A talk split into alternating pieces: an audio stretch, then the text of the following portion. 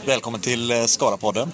Och eh, jag heter Axel och jobbar som planarkitekt. Och jag heter Jonathan och jobbar också som planarkitekt. Och vi har ju med våran eh, ganska nya samhällsbyggnadsförvaltning varit på eh, liten kunskapsresa i Halmstad. På väg hem på tåget nu. Och vad tänker du om resan? Eh, jo, men alltså det var en väldigt spännande resa tycker jag. Det var ju dels väldigt kul att bara få eh, ja, men, eh, lära känna de andra i förvaltningen. Eh, så, så, vi jobbar ju i samma förvaltning som bygg, eh, bygglov, eh, bygglovsanläggare och liksom, de som handlar om miljö och, och tillsyn och ja, hälsofrågor också. Va? Miljö och hälsoskydd, ja, ja precis. Ja. precis. Och det är ju alltid kul ja. att och, och lära känna lite ja, både människorna och verksamheterna som vi liksom sitter i samma förvaltning som. Och sen har vi ju också den fantastiska platsen som vi besökte då, Halmstad. Som är en kommun som är en lite större kommun än Skara. Ehm, så man kan ju liksom inte helt likställa vår planenhet och deras planenhet. Men det var väldigt kul att få höra lite från dem och hur de jobbade. Och så pratade vi ju lite igår också om planprocessen. Just det, precis. Ja, vi kan, vi kan ju börja med det. Att igår så hade vi ju en, eh, en dag när vi gick igenom eh, planprocessen och det blev ju lite samhällsbyggnadsprocessen kan man väl säga också. För det var, var kommer, eh, om planprocessen är skålen var det någon som sa, så, så ligger ju sen då olika frågor som miljö har, olika frågor som de som håller på med kartor och, eh, och sen då bygglov förstås, eh, kommer ju liksom dockar an till den här planprocessen, eller ligger i den här skålen. Och det är ju liksom frågan om vilken ordning saker och ting händer, när, när det är viktigt för till exempel miljö och hälsoskydd att komma in i, i planprocessen.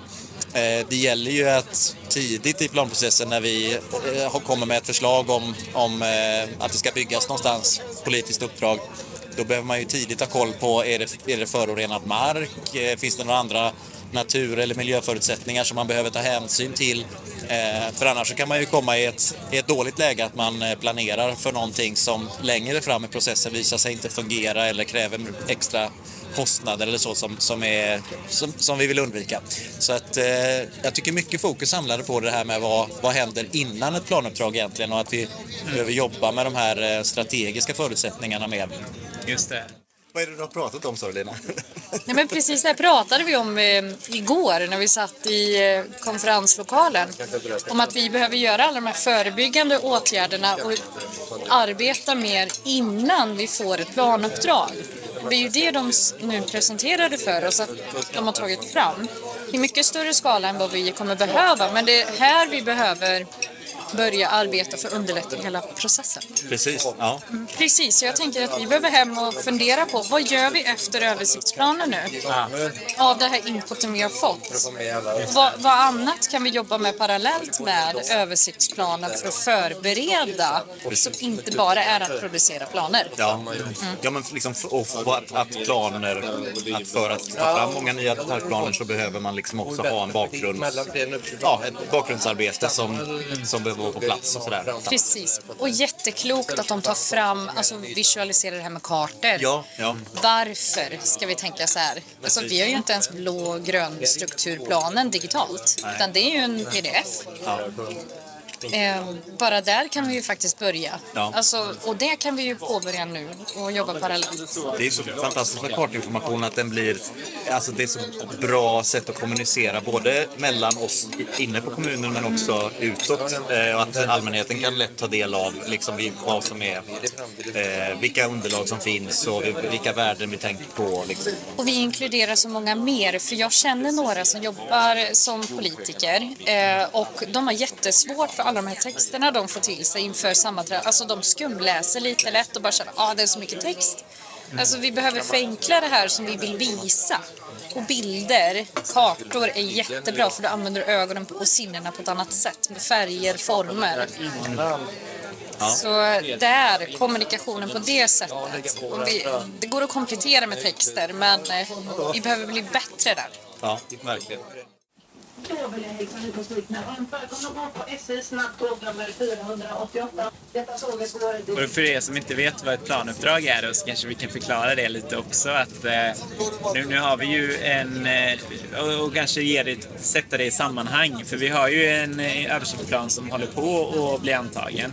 Liksom, är granskningsperioden är, är ju slut och, och det sker lite sista justeringar men förhoppningsvis så, så blir den antagen snart. Och eh, efter man har en översiktsplan eh, så ska ju den genomföras på olika sätt. Och, och det genomförandet är ju främst genom detaljplaner. Men eh, så, så det här med planuppdrag är ju när man får ett politiskt beslut att ta fram en detaljplan. Och det kan ju vara att en privatperson skickar in eh, en förfrågan om, om, att eh, upprätta en detaljplan och då heter det planbesked. Då, då ska kommunen ge ett planbesked. Men ofta, ibland kan det ju vara så att kommunen själv initierar en ny detaljplan. Och då, är, då pratar man om planuppdrag. Då, då är det ju politiken, ofta nämnden som är kopplad till oss på planenheten då, eh, som tar ett beslut om att vi ska inleda planarbetet. Eh, och, eh, men redan innan man gör det här då så finns det ju massa spännande grejer som man kan jobba med eh, för att liksom eh, koppla ihop eh, den här översiktliga planeringen som, som, som står om i, i översiktsplanen och lite mer ja, men det var ju någonting som kom upp väldigt mycket idag när vi pratade med Halmstad också. Eh, hur, hur bygger man ut enligt den här översiktsplanen? Alltså vilken tidsperiod rör det sig om i olika delar? Och, och, och hur ta, hanterar man eh, kanske mer komplicerade frågor som eh, klimat och miljö och dagvatten och, och, allt vad det kan vara och, och i ett tidigt skede liksom och, och på ett övergripande sätt. För löser man de frågorna tidigt så blir det mycket lättare att göra rätt i detaljplanen sen. Så vi pratade just mycket om det igår också, de strategiska dokumenten som kanske kommer som en följd av översiktsplanen och precis. en slags fördjupning av översiktsplanen. Ja, men precis. Alltså att, att, att planprocessen, detaljplaneprocessen kan gå mycket fortare om man, om man har saker på plats, om man har koll redan eh, innan. Eh, då åkte vi genom en tunnel där och fick man lite tryck i öronen. Men, nej, men jag tyckte de hade en väldigt bra ett väldigt bra upplägg i Halmstad, en, en bra tankar där om hur man, eh, ska, hur man ska genomföra översiktsplanen och, och att man behöver ju också se till om man bygger ett nytt bostadsområde särskilt eller det tillkommer en större område med nya verksamheter av något slag så mm. får man ju tänka på annan samhällsservice också som, som kommer alltså med, med förskolor och vägar och alltså infrastruktur. annan infrastruktur, ja, ja men precis. Eh, och så att de här matchar tidsmässigt med varandra så att vi inte sitter i, i olika stuprör och jobbar utan att vi försöker ha ett samarbete, inte, inte bara inom vår förvaltning då, utan även då med andra förvaltningar i kommunen och, och även då naturligtvis om det är privata byggare, eh, antingen det är företag eller privatpersoner, så behöver vi liksom göra det tillsammans. Mm. Eh, rätt ordning. Spännande att höra. De hade ju tagit fram en, eh, eller höll på att ta fram en utvecklingsplan, som, eller vad var det de kallade utbyggnadsplan. Just det, ja. Och det var ju liksom, då har de precis antagit sin detaljplan i höstas. Eller förlåt, översiktsplan. Ja, just det. Ja, och, men arbetet ju, slutar ju inte där och inte heller deras dialogprocess och möjligheten att, att, att eh, ge synpunkter där. Utan där eh, använder de sig av eh, ja, helt enkelt en ny process för att lite mer titta på hur, vilka tidsetapper ska den här översiktsplanen genomföras då och byggas ut, ja, bygga ut kommunen och staden. Precis, och, och så att man ändå, även om det naturligtvis kan ändras, för det är ju ganska lång tidsperiod tidsperiod vi pratar om. Var det fram till 2050 eller ja, 2070? 2050 var det. Ja, 2050, ja. Det var, så att, men klart att det kan ändras på vägen. Men, men om man då ändrar i planeringen då, då kan man liksom se vad det får för följdeffekter på den mera långsiktiga planeringen så att man, man ändå har en, en grundplanering som, som man är överens om idag. Så, så ser man att om man gör ändringar så, så påverkar det de andra eh, planerna också. Och det, det är ju viktigt eftersom samhällsbyggnads processer och att bygga nya bostadsområden eller verksamhetsområden, det är ju så långsiktiga processer. Det får ju så stor betydelse under så lång tid. Mm. Så det är ju viktigt att eh, se stadens långsiktiga utveckling. Eh, och det pratar ju Halmstad också lite om, vilket ju är detsamma för säg, nästan alla kommuner. att har man, gjort, har man inte haft så bra koll på sin samhällsbyggnadsprocess, kanske liksom 60, 70, 80-talet eller andra tider, så har ju stadens utveckling gått i en riktning som man kanske får försöka då arbeta med längre fram och jobba med. Eh, förtäta eller eller blanda upp bebyggelse eller blanda upp verksamheter, vad det nu kan vara, om, det, om man vill ha en mer välfungerande och långsiktigt hållbar eh, tätort. Ja. Eh, Jag, jag tyckte det var väldigt spännande hur Halmstad hade också antagit eh, i kommunfullmäktige, då, det högsta politiska organet i kommunen, eh, tre stycken huvudutmaningar i någon form av framtidsbild för kommunen då, Eh, som också var, var riktad till 2050. Att, att man ville jobba med tre huvudsakliga utmaningar som hade lite högre dignitet än andra saker när man skulle väga olika intressen mot varandra, vilket man ofta gör i detaljplaner och översiktsplaner och allting. Eh, och då var det ju klimatutmaningen som är en, vår, en av våra största ödesfrågor nu det här, de här åren fram till 2050 framför allt. Eh, och sen så jämlikhetsutmaningen pratade de om. Och sen var det ju det här med att kunna möjliggöra hållbar infrastruktur på något sätt. Eh, som, en, som en nyckelfråga. Och jag tyckte det var väldigt kul att, att se och inspirerande hur det guidade då resten av eh, planeringen. Först eh, översiktsplanen och sen nu den här eh, utvecklings eller utbyggnadsplanen då av översiktsplanen fram till 2050. Precis. Det är ju jätte, jättebra tycker jag att liksom kunna fånga upp, eh, även, om, även om de här paraplyerna då, som de här tre eh, ledande strategierna kan sägas vara. Alltså det, det är mycket som ska in under varje punkt men det, det är jättebra att kunna ha någonting sånt så man vet vart man är på väg.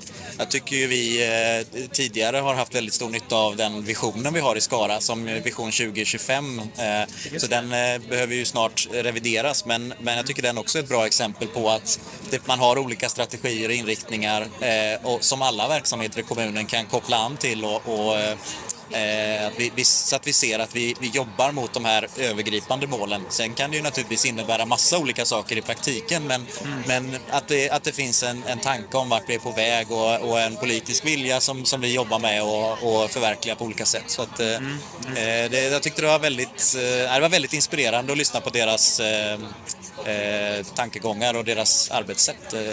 Ja. Jo, en sak som jag tyckte var lite kul eh, var just eh, hur de här tre utmaningarna också eh, kunde ses i de olika strategiska dokumenten som de pratade om. De pratade ju om eh, centrumutvecklingsplanen till exempel då, som en slags fördjupning av översiktsplanen i centrum då, i, i Halmstad centrum. Eh, och där var ju liksom grönstrukturen ett sätt att ta sig an klimatutmaningen eh, där. Och då var det ju både mötesplatser och generellt rekreationsområden och grönområden. Och, och då tittar man liksom på havsnivåhöjning och, och både hur man kan skydda staden men också anpassa staden från det här vattnet. Och, eh, och skapa attraktiva gröna stråk och, och liksom parker eh, där liksom och förstärka det.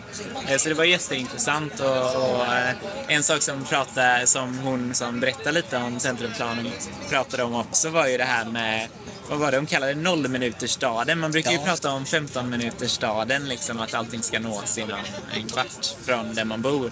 Men eh, ja, nu var det ju lite snack att man skulle ha, man ska ha tillgång till gröna ytor och grönområden precis när man kommer ut. Liksom. Och att de här potentiella nya infrastrukturer som vägar och så också kan, kan bebyggas på ett sätt som faktiskt eh, kan hantera eh, dagvatten och vara gröna och liksom ja, Precis. Jag tror det var sociala Ja, precis. Jag tror det var Afry som hade haft ett eh, seminarium på morgonen som, eh, som handlade om det här med nollminutersstaden och att det är liksom man bara kliver rakt ut från sin bostad i, i ett eh, grönområde.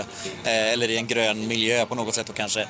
Eh, men det är ju spännande det här med de dubbla funktionerna, vad det gör för, alltså att det kan vara öka boendekvaliteterna men att det också då kan vara dagvattenhantering, alltså något sånt ganska torrt och tråkigt ämne men då kan man liksom ha dubbla dubbla effekter och det hjälper till att klara av de här skyfallen som vi får räkna med blir vanligare. Eh, Så att eh, det det var ju väldigt bra sätt att se hur, vi, hur liksom klimatsäkring och klimatåtgärder kan vara, fylla många funktioner och eh, skapa en, en trevligare stad. också. Och det här med jämlikheten kom ju in också, att de pratade ju om eh, just hur de faktiskt med, medvetet historiskt kanske hade, eller omedvetet hade planerat på ett sätt som skapade segregation i staden. Just och hur, just nu hur man kunde bryta det då och, och eh, på olika sätt genom att göra tidiga åtgärder för att liksom bryta de strukturella eh, ja, hindren som finns som gör att det blir segregerat Mm. med bostadstyper och, och sådär i olika delar av, av Precis. Och var- att de hade strategin att bygga utifrån och, eller inifrån och ut var det väl eh, i första hand och liksom försöka Eh, in, inte eh, liksom glesa ut staden mer utan liksom försöka förtäta inifrån och ut på något sätt. Och, och det är väl också en bra strategi. I, man tänker på att utnyttja befintlig kollektivtrafik och vägar och infrastruktur av alla andra slag. Att det är kostnadseffektivt och bildar förhoppningsvis också en, en trivsam stad med bra underlag för service, och restauranger och handel och sånt. Mm. Eh, så, så, brukar det ju vara. Eh, ja. Men eh, ja, väldigt inspirerande ja. och eh, får vi se hur vi tar med oss tankarna hem. Då, kanske. hem. Ja, Precis. tittar över våran eh, planprocess och samhällsbyggnadsprocess eh, ytterligare och, och ser hur vi ska jobba med med en antagen översiktsplan då. Om den nu blir antagen i, tidigt i höst eller senare under året, men, men i alla fall eh, ganska snart. Och eh, sen är det kavla upp ärmarna och, och börja med genomförandet och, och det. det. som, det som då ska leda fram till detaljplaner och sen nya nya hus och bostäder, ja. verksamheter och vad det nu kan vara. Det kan vi ju nämna nu när vi ändå pratar om genomförandet av översiktsplanen så har vi ju faktiskt fått ett politiskt beslut nu bara för någon vecka sedan eller så om, eh, eh nu vet jag inte när den här podden kommer ut, men eh, när vi spelar in den då så var det bara någon vecka sedan. Eh, nu fick ett eh, uppdrag om att göra ett planprogram för den södra delen av Skara. Eh, vi har inget riktigt namn för den här delen än. Eh, men eh, det är alltså precis under eh, E20. E20, precis. Och mellan Särskogen och Götala då. Så ett väldigt stort område där man skulle potentiellt kunna få plats med, vad det, 350 till 520 bostäder enligt översiktsplanen. Och där kommer vi ju inleda precis det vi pratar om här, den här typen av tidiga strategiska dokument som, som, som helt enkelt eh, sker lite innan man tar fram detaljplaner. Och där finns ju också en möjlighet att fortsätta den här dialogprocessen som vi har haft lite under översiktsplanen, fördjupa den i, i ett sånt här delområde och, och verkligen se vad, hur, vad är det rimligt att bygga och hur ska vi hantera dagvatten och hur kan vi skapa det goda livet för alla i Skara eh, på den här platsen. Eh, både nu och framöver. Det är, det är verkligen, framtida generationer. Det är ett jättespännande område och, och, det är ju, eh, var ju länge sedan som Skara tog sig an ett så stort område skulle jag säga. Eh, i, I ett stycke, även om det är tidigt skede än så länge då. Men jag tänker att vi får anledning att återkomma till det området. Vi får göra en ny podd bara om det. Ja, precis. Så det finns mycket att säga och ja. särskilt sen när du har kommit igång och jobbat mer med det så kan det vara väldigt intressant att prata mer om. Ja. ja. Ja. Men eh, vi, vi tackar lyssnarna för idag. Ja. kommer vi. Glöm inte att prenumerera så hörs vi snart. Det gör vi. Hej hej.